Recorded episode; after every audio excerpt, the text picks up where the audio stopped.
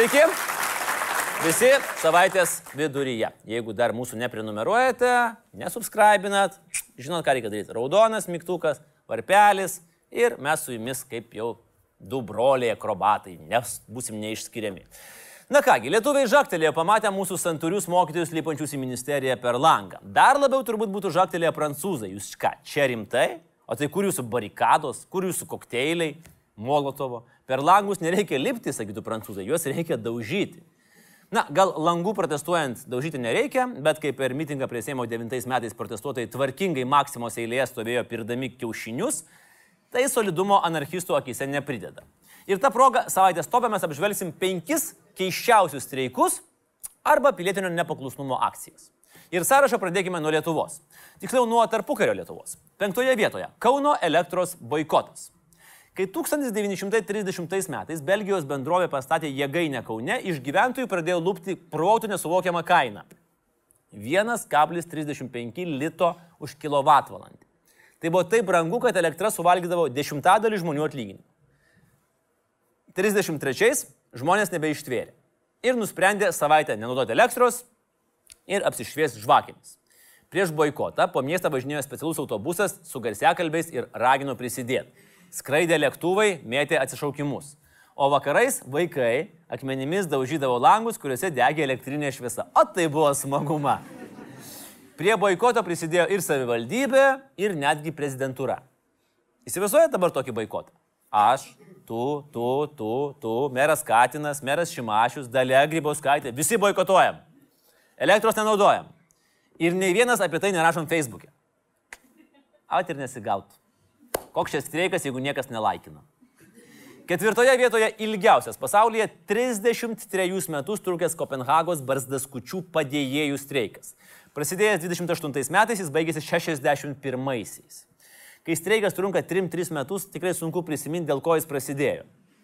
Minim, manoma, kad padėjėjams buvo liepta apkirpti barzdų šonus, o atlygio už tai nepadidino. O jeigu taip įsivaizduojat, mokytojai sugalvotų 33 metus protestuoti. Tai per tą laiką valdžia gal net kokią pusę reformos spėtų įgyvendinti. Gal net nacionalinį stadioną praeitume statyti pamažiukais. Trečioje vietoje Hollywoodo scenaristų streikas. Šis streikas kilo kaip ir daugelis dėl per mažų atlyginimų. 2008-aisiais į gatves išėjo televizijos ir kino scenaristai ir dvi savaitės nieko ne, nerašė. Dėl to išliko labai mažai rašytinių šaltinių. Atrodo, kas čia tokio, o pasirodo, kad streikas industrijai kainavo pusantro milijardo dolerių. Sužinoję šį faktą, mūsų laidos scenaristai irgi bandė streikuoti. Bet kadangi jie dirba prirakinti prie kompiuterio Rusiją, streikas baigėsi, kai nebenešėm jiems maisto. Antroje vietoje New Yorko striptizo šokėjų streikas. Nuo seno striptizo klubuose, nu aš pats nežinau, man pusbrolis sakė, buvo nusistovėjusi tokia tvarka.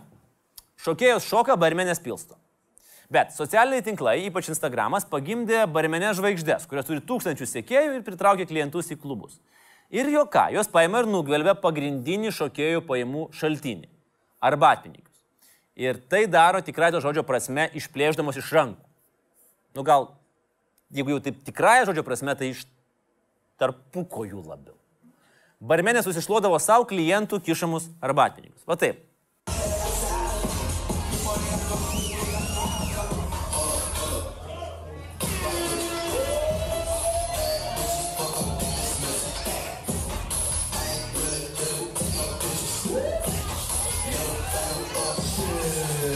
Aš nežinau, kur jūs ten žiūrėjot šitam video, bet e, ten ta tolimesnė barmenė nušlavinėjo banknotus nuo šokėjų pakulos už barų. Tai jūs šitą aišku nepastebėjot.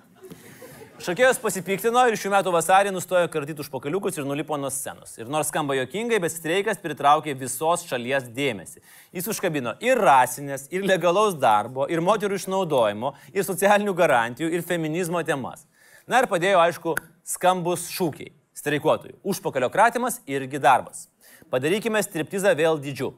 Karas prieš seksualias moteris yra karas prieš visas moteris.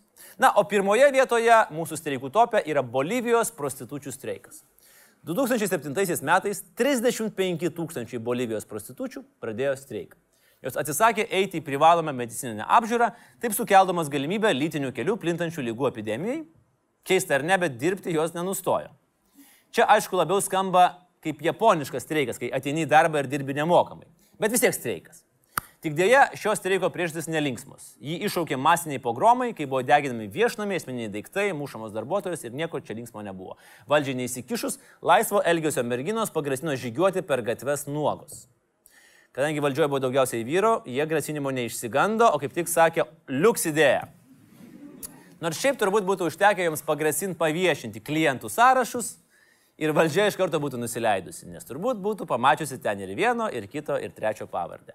Tokie buvo keiščiausi streikai ir pilietinio nepaklusnumo akcijos. Tikimės, kad Lietuvoje triumfuos argumentai, logika ir sveikas protas. Ir nebeliks priežasčių streikuoti mokytojams ar medikams dėl mažų atlyginimų, tada mes pradėsim streikuoti dėl tikrai rimtų problemų. Pavyzdžiui, dėl to, kas geriau - bunkeris ar vytis. Pamenat, o tai buvo laikai. Na, iki savaitgalio.